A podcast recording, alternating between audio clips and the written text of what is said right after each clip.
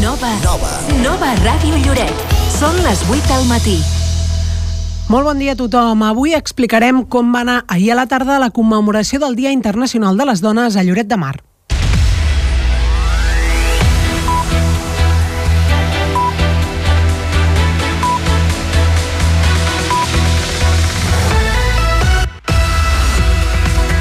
Entre altres coses, aquest dimecres, coincidint amb la commemoració del Dia Internacional de les Dones, s'ha presentat el Premi 8 de març Carme Ramírez. Avui escoltarem el sergent Joan Ignasi Garcia parlant del guardó i de, i de Carme Ramírez, qui assegura que es mereix aquest reconeixement de for en forma de premi amb escreix. També escoltarem un fragment del manifest institucional que va llegir l'alcalde en funcions, Albert Robert. I encara donarem veu a dues dones més, la regidora d'Igualtat, Jennifer Pérez, i una representant de l'Aurora, Rosa Maria Roquer.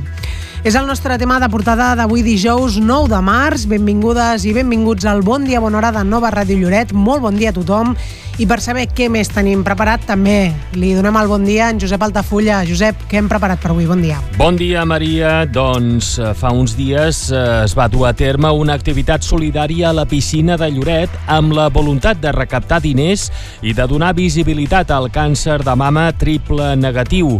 Entrevistarem a la coordinadora secretària de l'associació Les Triples, Marta Bonjoc, per saber com és aquest tipus de càncer i també com va anar l'activitat a la piscina. Amb Maria Carme Bernat, representant de la plataforma Per la Pau, parlarem de l'exposició de fotografies que s'inaugura aquesta tarda a la biblioteca titulada Dignitat i Guerra, les víctimes en els conflictes armats. També ens fixarem en l'agenda del cap de setmana per explicar com serà la sessió que durà a terme Amargura Cultura dins del cicle Gastronomia i Mercat. Ens en donarà els detalls un representant de l'entitat, David Barba. I de la sessió també en parlarem amb l'actor i gastrònom lloretenc Joan Pau Romaní, que serà l'encarregat d'elaborar les tapes de la sessió de dissabte. A Joan Pau eh, també li preguntarem per la iniciativa Poeta de Guàrdia, que es durà a terme a finals del mes de març i que s'inclou dins els actes de la capitalitat de la cultura catalana. Explicarem com va anar ahir la donació de sang a l'Institut Escola, on es van recollir 51 donacions de sang i 6 de plasma. Escoltarem a Lau Givert, que a banda d'actuar ahir en, les, en els actes de commemoració del 8M, ha estat escollida per formar part del cartell del festival Los 40 Primavera Pop, on també actuaran artistes com Nil Moliner, Vico o Álvaro de Luna. I acabarem recordant que aquest matí es du a terme al teatre una sessió organitzada per Mar Mirada, l'Ajuntament i Lloret Turisme. Se centrarà en l'anomenat Web3 i la investigació artifi la intel·ligència, volem dir, artificial. Doncs tot això és el que us volem explicar avui i abans de seguir avançant ens hem de fer ressò d'una informació que ens fa arribar a la funerària Sant Romà, que és la defunció de Maria Luisa Bosch Salgado, que va morir abans d'ahir als 65 anys. Vivia aquí a Lloret i l'enterrament serà avui a dos quarts de quatre de la tarda a l'oratori del Tanatori de Salt. I fet aquest apunt, comencem una nova edició del Bon Dia Bona Hora, que com cada dia complementarem amb un repàs de l'actualitat general i també amb la previsió meteorològica d'en Miquel Bernis. Comencem, doncs, aquest Bon Dia Bona Hora que fem possible Rosa Giral, Moisès Garcia i aquí en directe Josep Altafulla i Maria Joan Comartí. Bon dia, bona hora. De dilluns a divendres, de 8 a 9 del matí.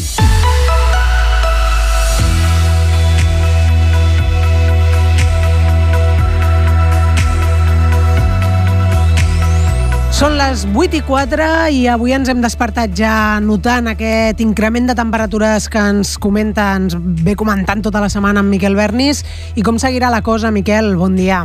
Bon dia, l'ambient de primavera continua entrant amb força. Aquesta matinada la temperatura pràcticament no ha baixat dels 13 graus, ahir màxima de gairebé 19, i hem d'esperar que avui encara les temperatures pugin fins i tot una mica més, màximes a tocar dels 20 graus en un dia mig ennubulat, un dijous variable, en què poden arribar a caure quatre gotes en alguns moments, però que serien en tot cas precipitacions irrisòries. Els ruixats han d'afectar sobretot comarques de la meitat oest de Catalunya al llarg d'aquesta jornada. Seguirem amb vent d'entre Ponent i Garbí, moderat amb cops de 30-40 km per hora al migdia, a l'espera que demà més aviat aquest vent es converteixi a mestral, això farà que desaparegui de la selva marítima i també això provocarà que la temperatura baixi. Demà al migdia tindrem ben bé 4 o 5 graus menys que no pas avui, per tant atents a aquestes pujades i baixades del termòmetre perquè si bé aquest divendres la temperatura al migdia serà força més baixa, dissabte tornarà a pujar altre cop fins a màximes al voltant dels 20 graus.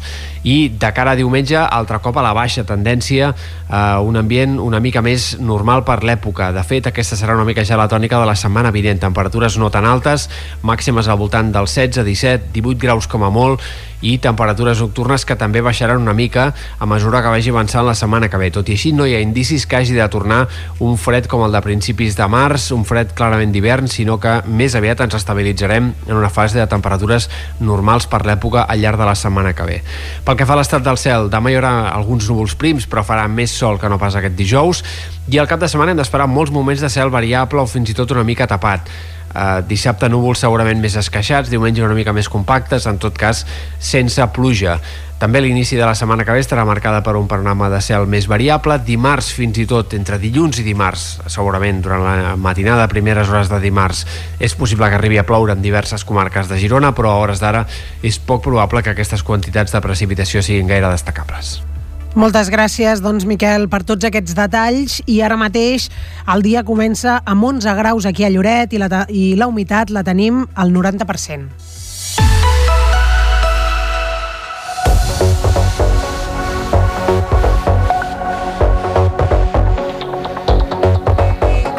És moment ara que són les 8 i gairebé 7 minuts del matí de posar-nos al dia de l'actualitat general en aquest dijous 9 de març i avui, evidentment, el Dia de la Dona, de les Dones, marca el pràcticament totes les portades eh, d'arreu de l'Estat i no és cap excepció en els diaris de proximitat.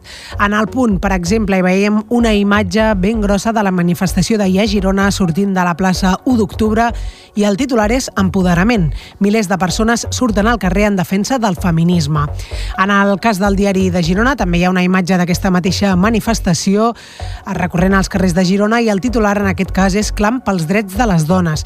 Piquets al campus del barri vell de la UDG mentre molts estudiants fan vaga. El dèficit de llevadores posa en risc la salut de les dones i serveis hospitalaris i el 56% dels atesos per la Creu Roja en projectes de gent gran o ocupació són dones. És el que destaquen aquests dos diaris sobre la commemoració del Dia Internacional de les Dones que es va fer ahir, 8 de març, però hi ha altres notícies en aquestes portades. En el cas del diari El Punt també llegim que hi ha 10 desapareguts al dia.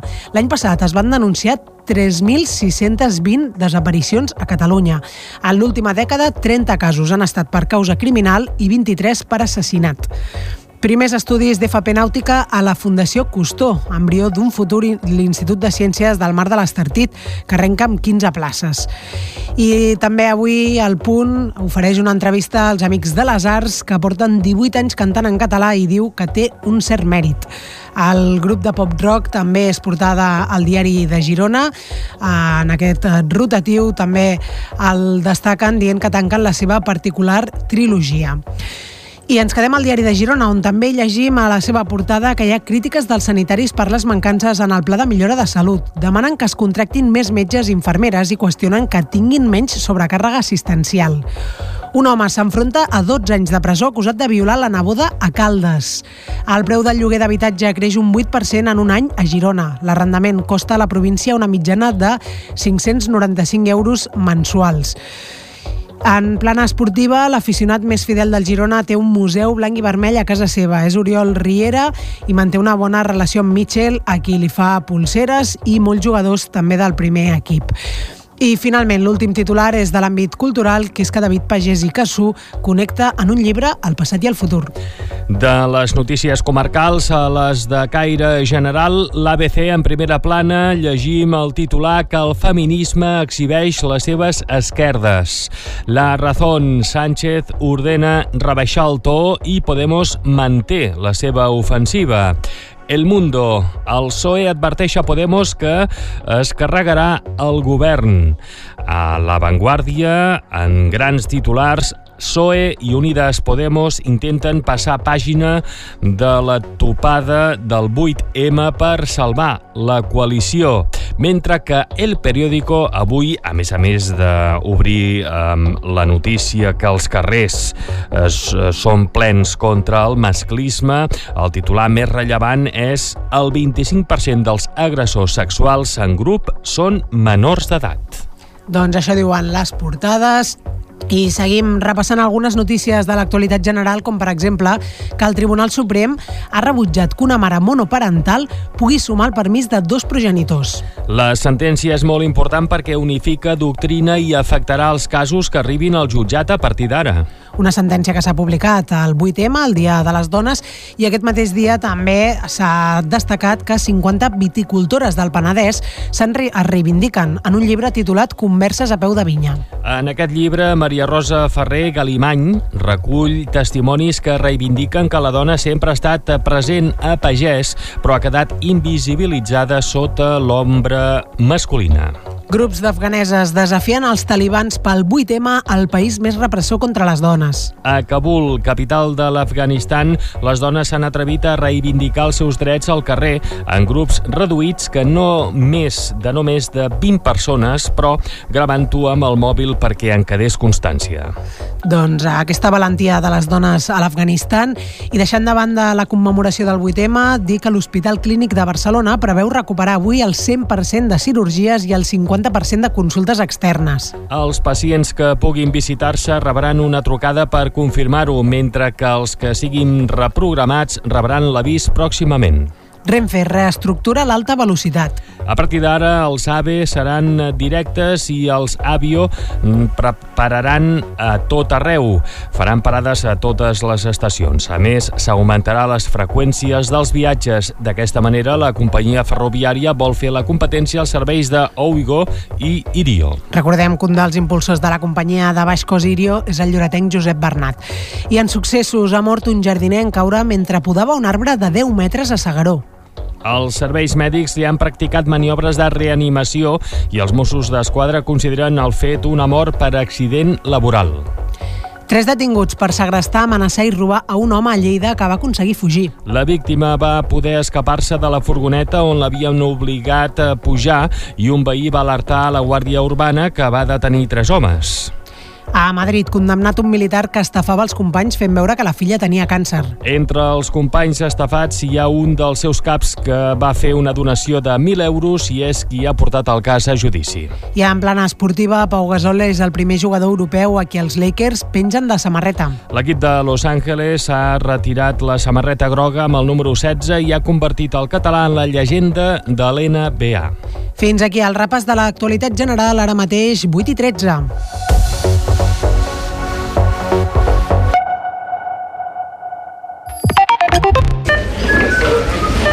El Mercat Municipal de Lloret t'ofereix productes frescos i de proximitat amb aparcament gratuït. Peix, carn, fruita, verdures fresques i queviures... Vine, tria, compra o fes el teu encàrrec. Trobaràs un tracte directe i de confiança. Els paradistes es posen a la teva disposició per aconsellar-te en els productes de la compra. Ara més que mai, vine al teu mercat. Vine al Mercat Municipal de Lloret. T'esperem al carrer Sènia del Rebic, al costat de l'escola Esteve Carles. Centre Mèdic Loreto. Obtenció i renovació de permisos de conduir, llicències d'armes, seguretat privada, animals perillosos, obtenció de targeta de residència, tot tipus d'esports i la tramitació gratuïta del permís de conduir. Tenim el servei de medicina general, pediatria, psicologia i fisioteràpia. Treballem amb les principals mútues. Centre Mèdic Loreto. Carrer Verge de Loreto 53, al costat de la Policia Nacional. Telèfon 972 36 96 12. ¿Cansado de interrupciones en tus llamadas y conexiones lentas a Internet? No busques más. Con Fitel Fibra Óptica y Telefonía Móvil disfruta de una conexión rápida y estable en todo momento. Con nuestra tecnología de vanguardia tendrás la mejor experiencia de navegación y llamadas de alta calidad, sin importar dónde estés. Únete a la revolución tecnológica y elige Fitel. Fibra óptica y telefonía móvil en Lloret de Mar. Conéctate a Fitel. Vols millorar la visualització del teu negoci? Cartelleria digital i pantalles LED d'interior i exterior a Víctor So. Instal·lació, manteniment i lloguer. Dirigit a comerços i negocis locals. Potencia el teu negoci i millora la teva marca amb les pantalles LED de Víctor So. Ens trobaràs a l'Avinguda Vila de Tossa 5052 de Lloret de Mar. Telèfon 972 36 41 14. L'Ajuntament de Lloret de Mar informa. S'ha convocat un procés de selecció d'urgència per crear una borsa de treball d'arquitecte superior. Per prendre part en la convocatòria cal estar en possessió del grau d'arquitectura superior equivalent. Les instàncies es poden presentar fins al dijous 9 de març, preferentment de forma electrònica a la seu electrònica de l'Ajuntament, catàleg de tràmits, recursos humans, processos selectius de personal o a l'Oficina d'Informació i Atenció Ciutadana per cita prèvia. Davant la impossibilitat d'algunes persones aspirants a presentar les instàncies i la seva documentació de forma electrònica per falta de mitjans, cal posar-se en contacte amb la secció d'Organització i Recursos Humans enviant un correu electrònic a l'adreça recursoshumans arroba lloret.cat i es facilitarà dia i hora amb l'Oficina d'Informació i Atenció Ciutadana exclusivament per realitzar de forma presencial aquest tràmit. La secció de comerç de l'Ajuntament de Lloret de Mar organitza el cicle Gastronomia i Mercat, una iniciativa oberta a tothom per posar en valor els joves restauradors lloretencs, la gastronomia local i el mercat municipal. Propera sessió dissabte 11 de març a dos quarts de 12 del migdia a l'espai polivalent del Mercat Municipal amb el taller de daiquiris i tapes a càrrec del gastrònom Joan Pau Romaní i del bartender Juan López Escalona, tot de la mà d'Amargura Cultura. Per participar al taller cal inscripció prèvia a lloret.cat barra gastromercat amb un aforament limitat a 30 persones. Per assistir com a oient no cal inscripció. Més informació a www.lloret.cat barra comerç. Els dimarts i dijous, de 9 a 10 del matí, Jo, aquí a aquest poble, tenen la costum de que cada vegada que troben un botó es fan un traje. S'ha de patejar una mica, que això és la gràcia, també. Hauria de fer una anàlisi més profunditat. No? Des de luego. Deixeu-me dir un punt d'equilibri, coi. la tertúlia ciutadana a la ràdio de Lloret de Mar.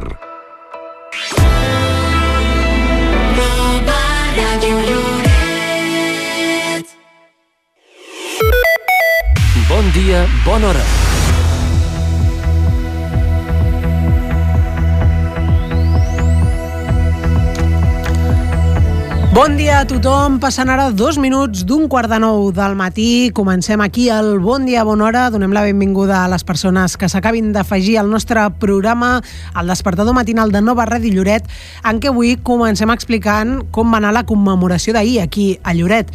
La dansa i el cant van centrar la celebració del Dia de les Dones d'aquest any aquí a la vila. Les escoles de dansa lira i Sara Díaz han fet una sèrie d'actuacions i la celebració també ha comptat amb les cantants Lau Givert i Trama.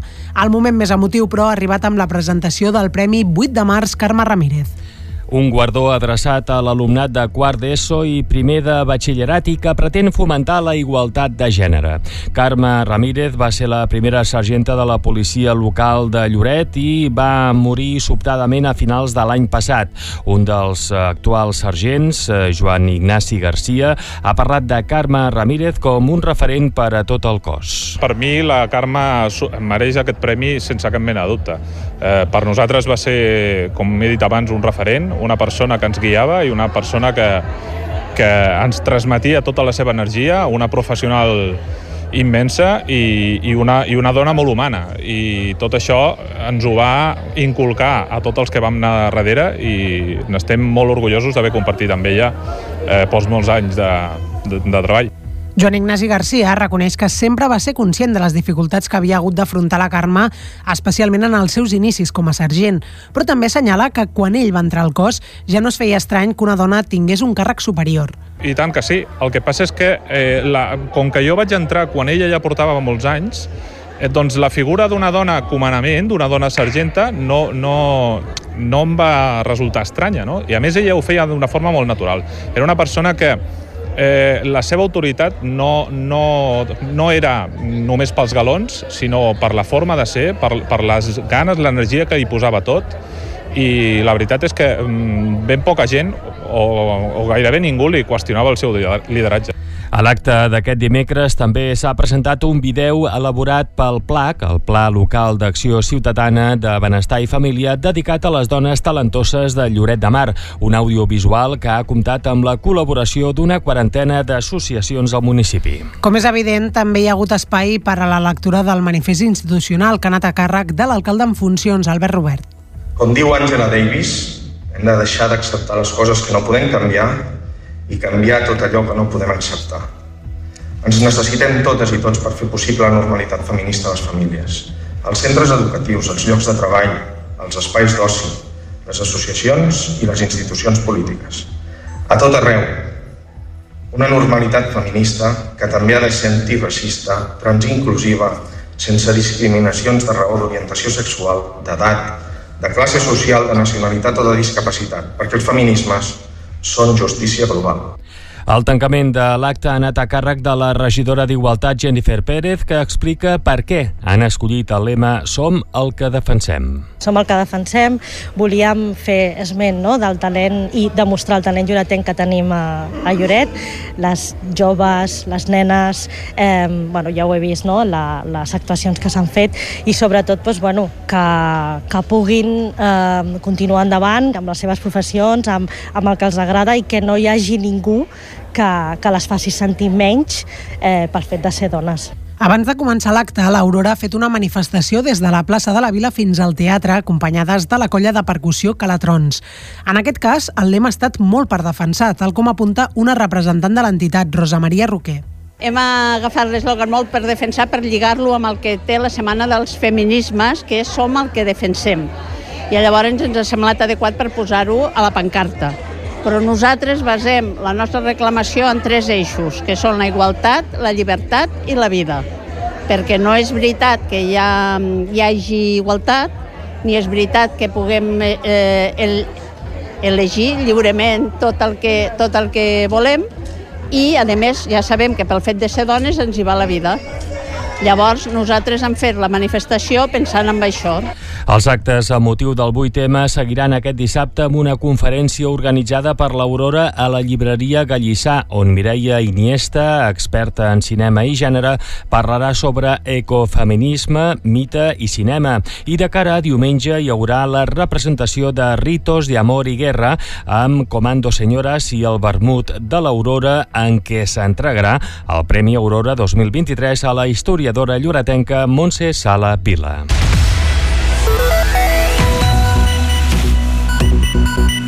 Bon dia, bona hora. De dilluns a divendres, de 8 a 9 del matí. 8 minuts per arribar a dos quarts de nou i canviem ara de tema. Obrim la plana de la solidaritat perquè la piscina de Lloret va acollir una activitat solidària diumenge passat amb l'objectiu de recaptar diners i també de conscienciar la població sobre el càncer de mama triple negatiu. L'activitat anomenada el, el Triple Reto i que portava per lema abraçades solidàries a la piscina de Lloret per la lluita contra el càncer de pit la va impulsar l'associació Les Triples amb el Club Lloret Aigües Obertes. Les Triples, que es va crear fa un any, és la primera associació de l'estat espanyol que lluita contra el càncer de pit triple negatiu i, entre altres coses, reclama que el 3 de març sigui reconegut com el dia de conscienciació d'aquest tipus de càncer, que és un dels més agressius i, malgrat això, és un dels que menys opcions terapèutiques té. Parlem amb la secretària de l'associació Les Triples, que és Marta Bonjoc. Molt bon dia. Hola, bon dia. Primer de tot, Marta, com va anar diumenge passat? Doncs va anar genial, la veritat, estem supercontentes. Mira, diumenge vam fer el Triple Reto, com heu explicat, que, que es va unir molta gent de tot arreu d'Espanya, fent diferents reptes associats a un esport. Es van fer caminades, ciclistes, pàdel, tirar mar, tenis, crossfit, patinatge i també natació, que aquest en concret és el que vam fer a la piscina municipal de Lloret gràcies a l'Ajuntament de Lloret i ho vàrem fer conjuntament amb els peixets i Lloret Aigües Obertes, que també els volíem donar mil gràcies aprofitant. I sabeu quants diners es van recaptar? Mira, la recaptació total de tot el triple reto ha estat al voltant dels 11.000 euros i concretament a la venda de Lloret uns 640. 640? Euros, sí. Mm -hmm. Doncs està molt bé, tot i així, Marta, també ho dèiem que sí que hi havia l'objectiu de recaptar diners per a aquesta investigació, però a més a més també eh, hi havia la voluntat de conscienciar la població, de donar a conèixer aquesta malaltia. El càncer de mama és molt conegut perquè és un dels que més afecta la població, però què és exactament el càncer de mama triple negatiu? Doncs el càncer de mama triple negatiu és un tipus de càncer de pit i és el més agressiu, com veu dit vosaltres, llavors eh, és un tipus de tumor que hi ha poca incidència, entre un 12 i un 15%, i a més a més és un tipus de tumor que no s'alimenta d'hormones, com els altres tipus de càncer de pit. Llavors això fa que no tingui un tractament específic. Llavors ens quedem amb poques llanes terapèutiques, com comentàveu. I en el teu cas, perquè sabem que, que tens aquesta malaltia, com t'ha afectat en la teva vida? Doncs, bueno, el va posar la, la meva vida potes amunt. Però, bueno, a poc a poc l'anem posant bé i ha estat dur i encara és dur. Vull dir, el càncer de pit és, no, no, és un, no és un anyet dolent. És que a vegades, eh, ja no sé si estàs d'acord, però potser hi ha una mica la sensació que, dels, clar, de fet dels càncers, el càncer d'àpid en general és un dels que té millor pronòstic, però potser a vegades la població té una mica la sensació que és poca cosa. No sé si comparteixes aquesta visió. Sí, sí totalment. Vull dir, estem sempre, no, no, bueno, sempre estem dient que el càncer de pit no és de color de rosa, que al final és el que també és la imatge que tenim no, del càncer de pit, de color rosa. Jo no l'he viscut així, no l'he viscut gens de color rosa. L'he viscut del color més negre que us podeu imaginar. Llavors, no és, una, no, és el que et deia, no és un anyet dolent i ja està, saps? És molt més que això. I queden seqüeles i... I cap càncer és fàcil. Perquè el càncer de pit i en concret el triple negatiu afecta sí. algun perfil concret? En, gen... uh, o sigui, sí. algun perfil a qui afecti més? Sol afectar a gent jove. Uh, ens movem amb una mitjana edat de 25 a 50 anys. Jo, per exemple, em van diagnosticar als 31 anys. I que de, déu nhi perquè aquesta xacra, que és el càncer que, que tots eh, ens afecta de prop i, i que a tots ens pot afectar a qualsevol moment, eh, s'hi ha de seguir treballant. En aquest cas, per exemple, amb aquesta voluntat es va crear aquesta associació Les Triples. Al llarg de l'any, quines activitats feu? Doncs fem des de xerrades, events amb diferents activitats, com el que vam fer el diumenge, també en fem una el 25 de març, que fem una masterclass de Zumba a Castelldefels, i al final el que volem nosaltres és donar visibilitat i recaudar diners per poder portar investigació i que s'investigui més sobre el triple negatiu. Què diries a una persona a qui li detectin aquest càncer? Aquest tipus de càncer, que no uh -huh. està sola. Que no està sola. Que eh, serà dur, és dur, però que, que no està sola i que ens busqui nosaltres com a associació, que li farem costat. I una altra cosa que voleu des de l'associació és que el 3 de març sigui reconegut com el dia del càncer sí. de pit triple negatiu. Per què? Bueno, doncs perquè això entenem que sabem que ens donarà molta més visibilitat i la visibilitat al final el que ens aporta a nosaltres és més recaudació i més investigació. Doncs uh, esperem que...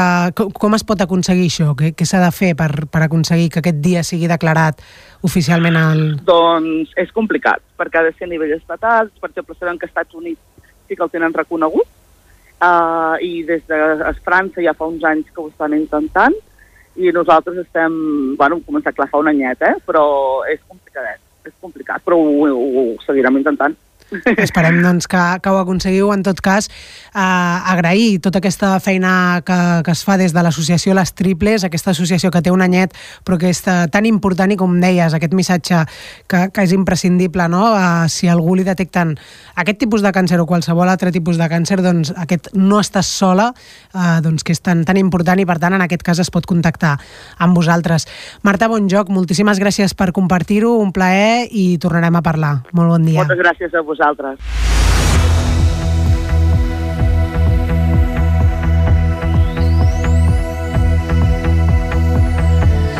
Un minut i mig i seran dos quarts de nou i anem ara a l'agenda de Lloret perquè aquest vespre s'inaugura una nova exposició a la biblioteca titulada Dignitat i Guerra, les víctimes en els conflictes armats. Una mostra d'imatges de Carles Palacio i Albert Tudela que arriba a la Vila de la Mà de la Plataforma per la Pau. La inauguració és avui a les 7 de la tarda. En parlem amb una representant de la Plataforma per la Pau, Maria Carme Bernat. Bon dia. Bon dia. Què veurem en aquesta exposició? bueno, uh, és, uh, com heu dit vosaltres, bueno, és una exposició aquesta exposició ens l'ha ens l'ha proporcionat la coordinadora d'ONGs de les comarques gironines i està realitzada amb el suport de la Diputació de Girona. Llavors a nosaltres ens van dir si la volíem eh, inaugurar a Lloret, ja que aquesta exposició ha vingut de l'impremta aquí, o sigui, no s'ha estat exposada a cap lloc. Val, és el primer lloc on es pot veure. Uh -huh. És el primer lloc on es pot veure. I ens van dir si la plataforma per la Pau Lloret la podríem eh, inaugurar aquí a Lloret, ja que nosaltres sempre, la plataforma, estem treballant en campanyes de sensibilització eh, amb víctimes de guerra. I la veritat és que vam dir que sí. Mm? I, I... Sí, digues, digues. No, no, dic que aquesta exposició es va crear, eh, com heu dit ara, de, eh, a partir d'unes fotografies del cooperant Albert Tudela i del foto, periodista Carles Palacio. I ells, amb aquestes imatges, ens ajuden uh, a veure um, la dignitat de les persones víctimes en els conflictes armats. Eh... Mari Carme, t'estem perdent.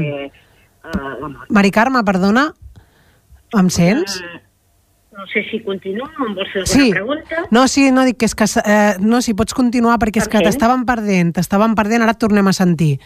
Ah, ah, ah, estaves comentant... Jo... Sí, sí, sí, estaves comentant que, que aquestes fotografies mostren la dignitat de les persones que quan pateixen una guerra. Exactament. Eh? Eh, I en el moment de la seva vida i, de, i també de la mort. Mm. Uh, vos, uh, nosaltres i tots sabem que hi ha una notícia forta com potser atentats, uh, víctimes, bueno, uh, migrants ofegats, uh, veia que tots són víctimes de guerra. La notícia sí, dura un dia o dos. I després aquesta notícia, no sé per què, no es torna a donar als mitjans de comunicació eh, i queda l'oblit. I aquestes persones, eh, per què?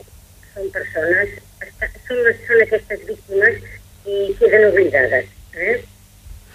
I són persones, com que he dit abans, com nosaltres, i els diem víctimes. I aquestes víctimes després passen a ser un número. Mm. I hmm. en l'exposició vull explicar una mica doncs, el que passa amb aquestes persones.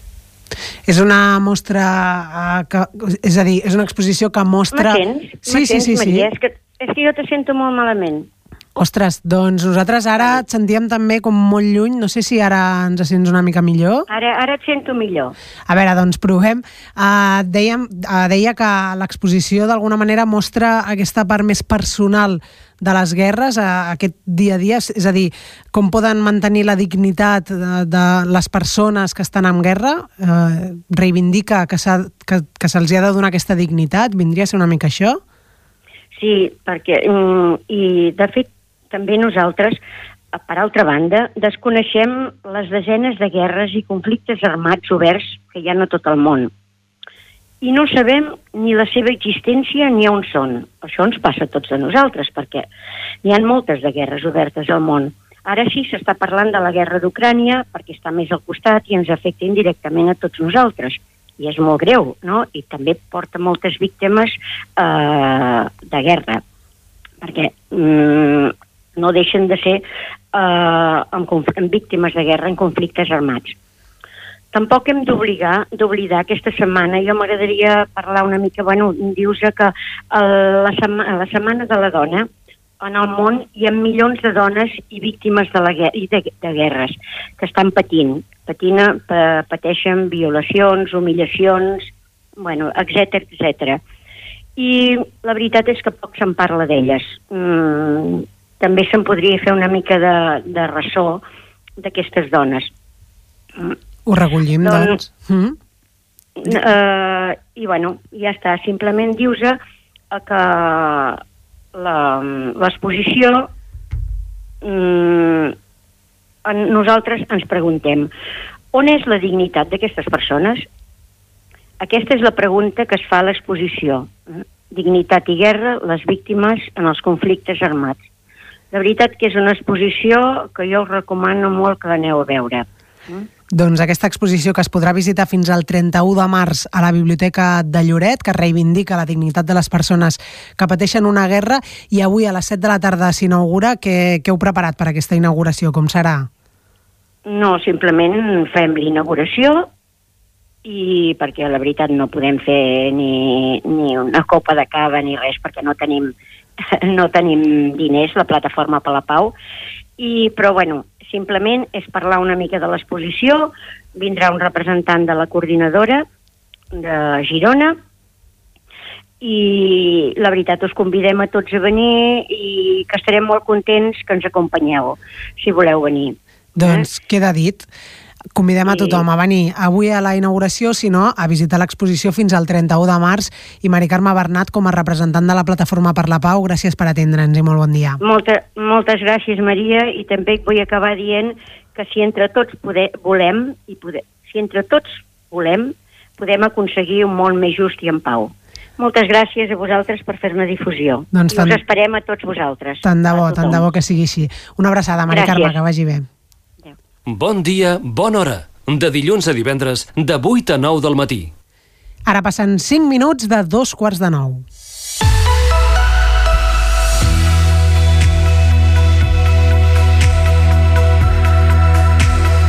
I el que fem és saludar en Miquel Bernis, que ens eh, dona tots els detalls de la previsió meteorològica. Miquel, quan vulguis, molt bon dia. Bon dia, l'ambient de primavera continua entrant amb força. Aquesta matinada la temperatura pràcticament no ha baixat dels 13 graus, ahir màxima de gairebé 19, i hem d'esperar que avui encara les temperatures pugin fins i tot una mica més, màximes a tocar dels 20 graus en un dia mig ennuvolat, un dijous variable, en què poden arribar a caure quatre gotes en alguns moments, però que serien en tot cas precipitacions irrisòries. Els ruixats han d'afectar sobretot comarques de la meitat oest de Catalunya al llarg d'aquesta jornada. Seguirem amb vent d'entre Ponent i Garbí, moderat, amb cops de 30-40 km per hora al migdia, a l'espera que demà més aviat aquest vent es converteixi a mestral, això farà que desaparegui de la selva marítima i també això provocarà que la temperatura baixi. Demà al migdia tindrem ben bé 4 o 5 graus menys que no pas avui, per tant atents a aquestes pujades i baixades del termòmetre perquè si bé aquest divendres la temperatura al migdia serà força més baixa, dissabte tornarà a pujar altre cop fins a màximes al voltant dels 20 graus. I de cara a diumenge, altre cop a la baixa tendència, eh, un ambient una mica més normal per l'època. De fet, aquesta serà una mica ja la tònica de la setmana vinent. Temperatures no tan altes, màximes al voltant dels 16, 17, 18 graus com a molt, i temperatures nocturnes que també baixaran una mica a mesura que vagi avançant la setmana que ve. Tot i així, no hi ha indicis que hagi de tornar un fred com el de principis de març, un fred clarament d'hivern, sinó que més aviat ens estabilitzarem en una fase de temperatures normals per l'època al llarg de la setmana que ve. Pel que fa a l'estat del cel, demà hi haurà alguns núvols prims, però farà més sol que no pas aquest dijous, i al cap de setmana hem d'esperar molts moments de cel variable o fins i tot una mica tapat. Uh, dissabte núvols segurament més esqueixats, diumenge una mica més compactes, en tot cas sense pluja. També l'inici de la setmana que ve estarà marcada per un panorama de cel més variable. Dimarts, fins i tot, entre dilluns i dimarts, segurament durant la matinada, primeres hores de dimarts, és possible que arribi a ploure en diverses comarques de Girona, però a hores d'ara és poc probable que aquestes quantitats de precipitació siguin gaire destacables. Moltes gràcies, Miquel. Atenció perquè el termòmetre a aquesta hora ja puja a 12 graus i mig i, de fet, a primera hora teníem 11 graus, ara ja són 12 i mig i anirà pujant fins a arribar ben bé els 19 graus avui dijous i la humitat la tenim elevada, al 91%.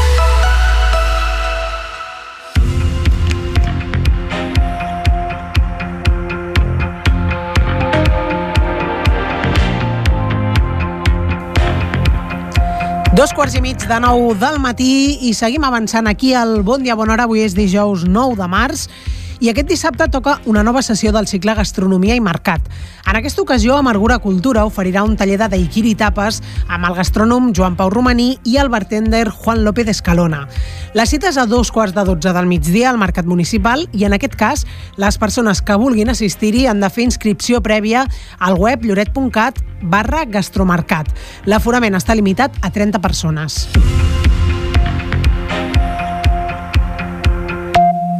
Ampliem els detalls amb el responsable d'Amargura Cultura, David Barba, bon dia. Hola, bon dia. David, el fet que s'hagi de fer inscripció prèvia ens ha de fer pensar que hi haurà degustació de les persones que hi assisteixin? Sí, sí, sí, aquest és el, el, tema de la inscripció ve, ve relacionada, va vinculada amb la, amb la preparació de l'etapa i pels, pels assistents inscrits. Sí que volem dir que hi ha aquest aforament limitat a 30 persones que, que s'inscriguin. Si algú quedés fora, sí que pot venir a fer d'oient, no? Exacte. Sí, Mhm. mm -hmm. sí, és veritat que la, que, que la muntatge és el, que, que, que ha preparat promoció, aquesta iniciativa de promoció econòmica, el muntatge és, és excel·lent, vull dir que es pot assistir d'oient i, i realment doncs, participar d'alguna manera indirecta en aquesta, en aquesta aventura, en aquestes finestres que han obert al mercat que ens semblen molt interessants. Mm -hmm. Perquè, David, explica'ns ara una mica què és el que heu preparat per aquest dissabte. Bé, la, la proposta que, que, que fem eh, amb Argura Cultura, amb en, en López eh, Escalona, del G-Partenda del, del, del Hotel de la Mar i en el gastrònom Joan Pau Romaní, eh, bueno, era vincular doncs, eh, el que és el, el còctel i, i la tapa. Doncs, fer un recorregut que, que, que a més, doncs, d'alguna manera, més que, que creativitat i innovació, és història i tradició, no? perquè la cocteleria que reivindiquem des de fa tants anys doncs, té un llegat important a Lloret amb, amb figures com el Constantí Ribalaigua i en, i en Miquel Boades, no? Doncs portar-ho això també al terreny gastronòmic, acompanyar-ho amb la tapa, amb un, amb, un, amb un gastrònom, amb un recorregut també, podríem dir, brillant en el món, en aquest, en aquest eh, concepte gastronòmic com és en Joan Pau Romaní, doncs, home, a Lloret hi tenia molt, molt a dir, no? Llavors, hem, hem preparat doncs, tres, tres propostes més en la línia d'aperitiu, d'aperitiu per començar el dia, acompanyat, evidentment, amb aquella petita etapa, doncs que tinguin almenys una, una relació amb Lloret de Mar a partir dels clàssics lloretencs. Mm -hmm. Déu-n'hi-do, quina, quina sessió més completa, eh? I, i clar, comentaves que trobes molt bona iniciativa aquest cicle de, de gastronomia i mercat que, que ha impulsat l'Ajuntament. Entenem que, que és això la idea, no? que els productes que es facin servir es puguin adquirir al mateix mercat. Exacte, exacte, sí. No, no, no, no, no anirem a una cuina molecular ni, ni, ni d'una avantguarda extrema, sinó que més aviat és una cuina de, de quilòmetre zero, de, de, de producte doncs, que trobem en, a, en el mercat. Mercats són, evidentment, eh, espais de negoci, no, no deixen de ser-ho, però també són espais culturals, són espais per explorar, i penso que, que amb aquesta idea també darrerament d'utilitzar la paraula, paraula desubicar, eh, et donen un recorregut brillant. No? Llavors, eh, home, és, és bonic poder fer-ho allà, és una iniciativa que, que la gent, que els professionals que han anat passant han, han, han deixat, doncs, jo penso, un, un, un, han, han enganxat moltíssim perquè la gent continuï eh, confiant en que, que és un espai que es poden, que es poden realitzar moltíssimes coses. Mm.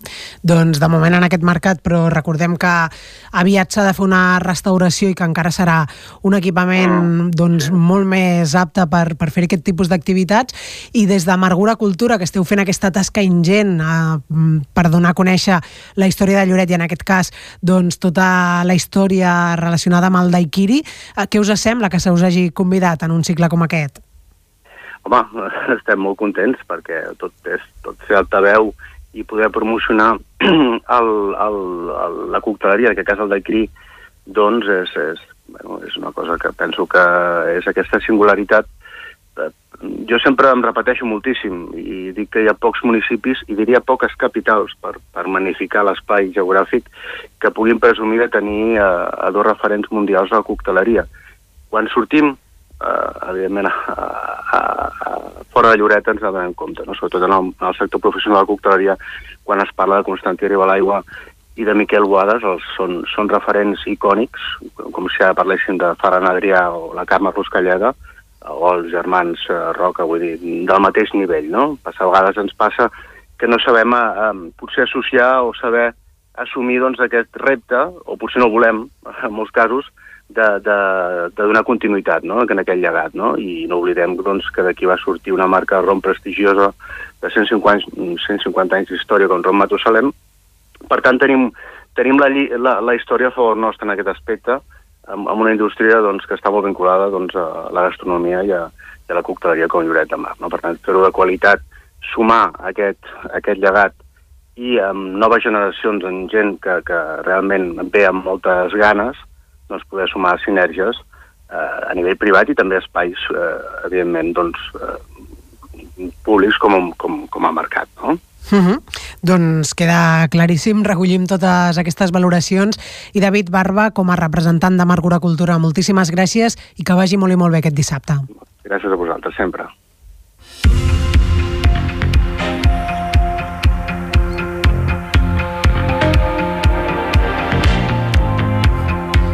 Anem camí a tres quarts de nou i arribarem d'aquí a menys d'un minut i atenció als amants de la poesia perquè dins dels actes de la capital de la cultura catalana es farà una jornada dedicada a aquesta vessant artística. La iniciativa s'anomena Poeta de Guàrdia i es durà a terme el 21 de març, tot i que les persones que vulguin gaudir-ne ja es poden inscriure a través del web dedicat a la capitalitat de la cultura catalana.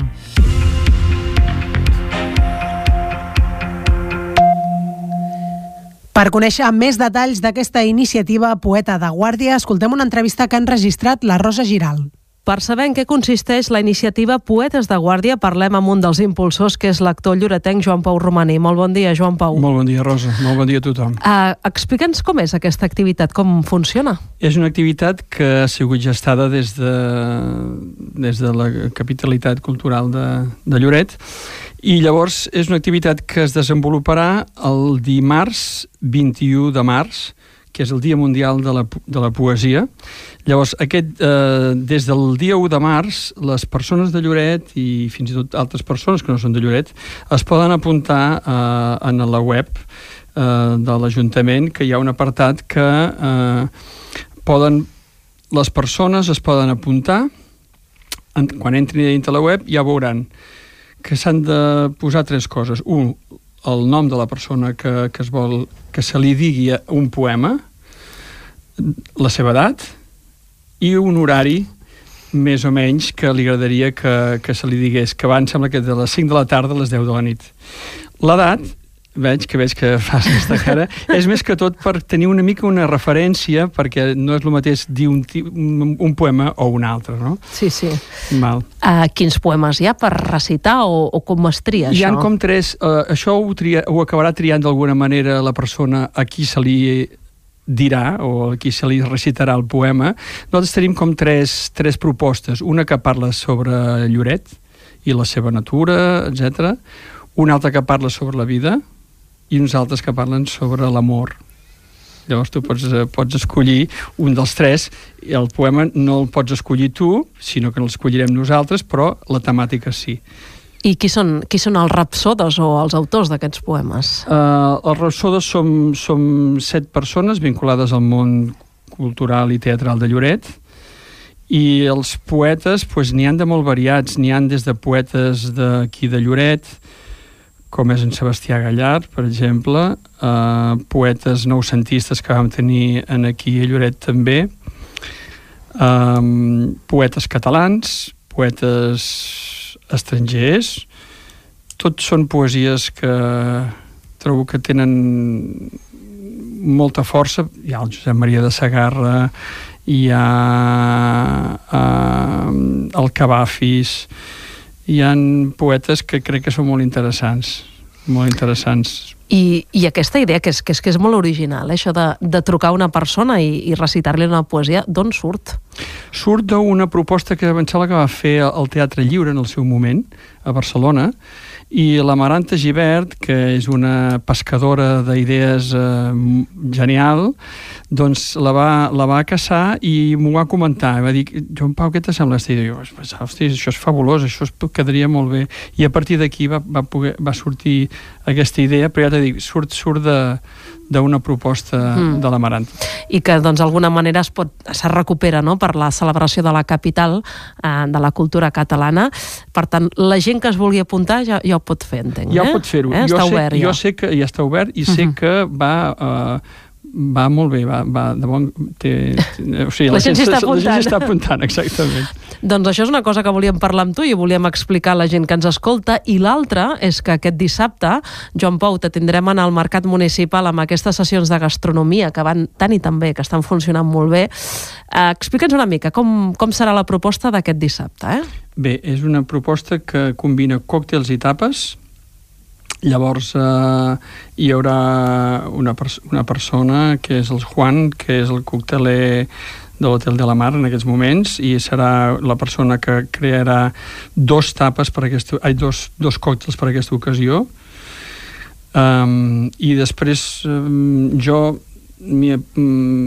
pro- la proposta meva, diguéssim, són dos tapes que acompanyen eh, en aquests còctels, que són uns còctels molt bons, molt interessants, on la, la base és el ron, no? són còctels amb una idea molt cubana, lloretenca a la vegada, i, i crec que serà un, un, un maridatge molt interessant. Com seran les tapes o, o què porten? Ens vols dir alguna cosa? Us faig un avançament Va, del que seran un les es- tapes. Un spoiler, que es però diu. no, les, però no les explicaré del tot perquè Val. hi hagi una mica sorpresa.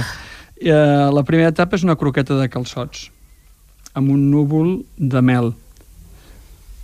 Que hi bo, ha mel que perquè, eh, o sigui, hi ha a les, a les tapes que nosaltres hem fet, hi ha un element que, que té a veure amb el còctel. En el còctel hi ha un, una mica de mel, i nosaltres també hem posat mel en aquestes llonces, i a la, a la segona etapa és un montadito on hi ha eh, diversos elements, ja només dic que hi ha, hi ha peix, hi ha també un element que té a veure amb el, amb el còctel, i s'acaba amb, amb una cosa que estic començant a fer ara, que és com un formatge fresc però que es fa amb iogurt, espècies i llimones. Això s'ha s'ha de tastar, eh? S'ha de tastar. A més, estàs fent la boca aigua, eh, Joan tastar. Pau? Una cosa també que, te, que també te puc comentar és que el, els elements, el, alguns d'aquests elements, si no la majoria, intentarem que siguin de, de, del mercat, si- siguin elements de mercat. que es puguin tal- comprar eh, en, el, en el mercat. Uh, hi ha alguna cosa més que ens vulguis explicar? Perquè la gent s'ha d'apuntar eh, per, anar, per poder degustar tant còctels com les tapes. Eh? Bueno, dic que la gent s'apunti ja, Val. perquè és, és, eh, aquesta activitat està només pensada per 30 persones i que la gent... Eh, això anirà molt ràpid, sí. per tant, que, que s'apuntin. Bueno, al final t'he de dir també que hi ha una tapa còctel, que això sí que la deixo així amb, amb suspens. Val, val, Una tapa que és, ganes. que és un còctel a la vegada. Ostres, no, no m'ho puc ni imaginar, això. No? S'ha Pues sí, ha d'anar, sí. s'hi és una tapa que és, és, és un còctel que es menja. Ja, ja, ja m'ho imagino. Vale. Bueno, vull dir, si ha d'anar per aquí. Mm. no diem res més. Això és aquest dissabte, és a dos quarts de dotze, que comença. La gent que es vulgui apuntar ho ha de fer a través de la web de l'Ajuntament i ja, ja ho pot fer, evidentment. Exactament, Eh? sí. Doncs, Joan Pau, ja només ens queda dir convidar la gent que ens estigui escoltant a això, a venir aquest dissabte eh, a disfrutar de tot això. Eh? Molt bé, i també, ja que aprofito i que n'hem parlat, eh, el Poeta de Guàrdia és una proposta que crec que, que agradarà molt, és una proposta molt carinyosa, mm, eh, molt maca, eh, molt propera, i que també que la gent s'apunti, i que convido que s'apunti tot tipus de persones. Si escolta aquí gent jove, també que s'apuntin, que també hi ha poesia per, per gent jove. Hi ha, hi ha poemes molt macos i que segur que els agradarà i la gent de mitjana edat i gent d'una certa edat que, que normalment sé que eh, agrada molt la poesia doncs també disfrutaran molt amb aquesta proposta. Ho recollim, recollim aquestes paraules. Joan Pau Romani, moltes gràcies per venir aquí a la ràdio i molt bon dia. Gràcies, igualment. Moltes gràcies.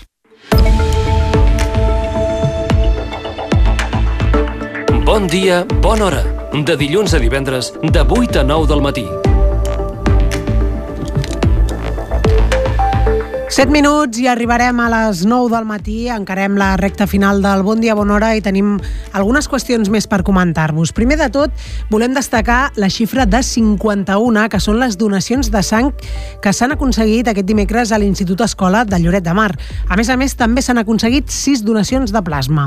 En aquesta campanya extraordinària hi ha hagut 4 oferiments i del total de donants, 12 han sigut nous, una dada que valora de manera molt positiva al Banc de Sang i Teixits. És a dir, aquestes persones han donat sang per primera vegada i això és molt positiu, segons la promotora del Banc de Sang, Meritxell Casacoberta. Hem fet 51 donacions, 4 oferiments i, com sempre us dic, el més important per nosaltres, aquestes 12 persones noves que han vingut a, a donar sang. I també hem fet 6 donants de plasma, que bueno, també ja ho he comentat diverses vegades, estem amb aquest projecte d'intentar animar la gent perquè s'apunti a la donació de plasma. És un component sanguini que necessitem eh, doncs per poder mantenir les transfusions i les necessitats als nostres hospitals i, i bé, com sempre que col·laboren escoles, instituts, nens, joves en general, eh, a la població del Lloret ha sigut un èxit. Eh, han hagut moltes cues, eh, ha hagut gent que ha tingut que marxar perquè bueno, no podíem tampoc fer esperar tant a la gent i en som conscients que, perquè ells així ens ho han, ens ho han explicat, que vindran properament doncs, a la donació que es farà durant l'abril, passat Setmana Santa, que tornarem a estar aquí a, a Lloret. La jornada de donació de sang ha comptat amb la col·laboració dels alumnes de quart de primària de l'Institut Escola. Bon dia, bona hora. I seguim ara amb una qüestió cultural i és que Lau Givert cantarà el Primavera Pop de los 40 Principales.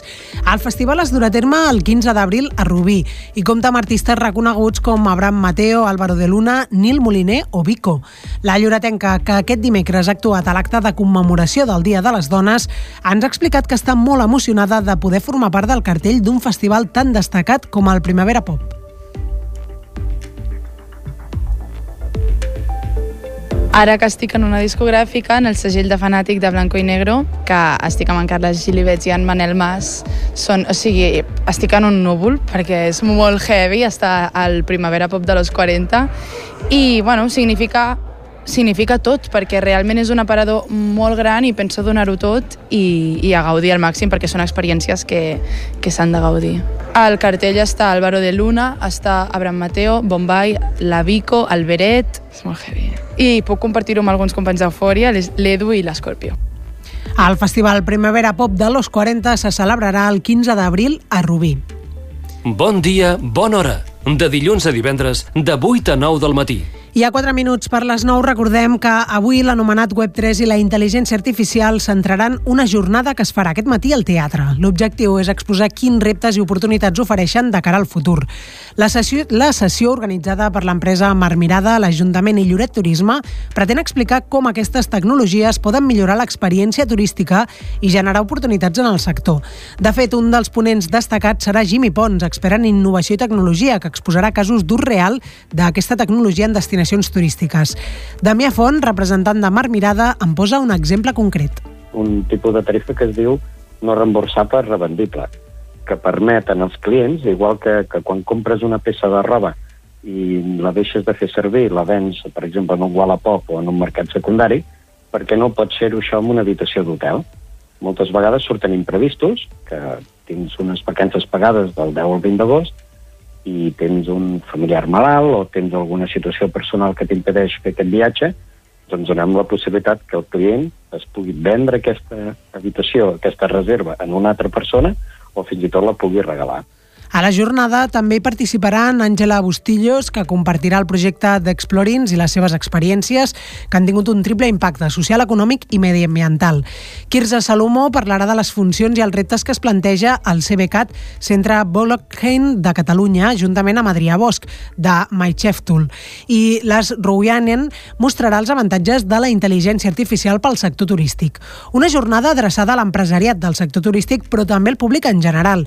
I és que, segons Damià Font, aquestes tecnologies poden beneficiar tota la ciutadania. Un exemple eh, podria ser, a Lloret tenim una ruta del Bequiri i tenim una xarxa de comerç prou important en el centre i també tenim una oferta gastronòmica molt, molt interessant i a més un, un patrimoni municipal molt, molt xulo, no? I ara, més que es potenciarà amb el tema del castell, per què no podem vincular una sèrie d'accions que sigui, ostres, amb aquest consum del comerç local tens dret a un accés en el Museu del Mar fent una visita teatralitzada de com era el daiquiri en el principi, tot això que s'està fent. És només una idea eh, del potencial que pot tenir.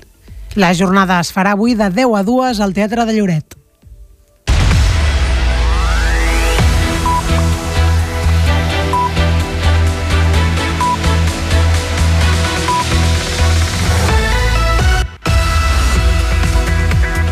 Doncs ara sí, arribem al final del Bon Dia Bona Hora d'avui dijous 9 de març, en què hem començat eh, parlant dels actes que hi va haver ahir a la tarda amb motiu del Dia Internacional de les Dones, en què hi va haver dansa, hi va haver cant, al teatre també es va presentar el Premi 8 de març Carme Ramírez, un moment que va ser molt i molt emotiu, i la jornada doncs, es va tancar amb el manifest institucional i amb el Parlament de la regidora d'Igualtat. A més a més, l'Aurora va fer una manifestació prèvia en aquest acte per reclamar els drets de les dones sota el lema Molt per defensar, i és que el lema global de la celebració aquí a Lloret és Som el que defensem.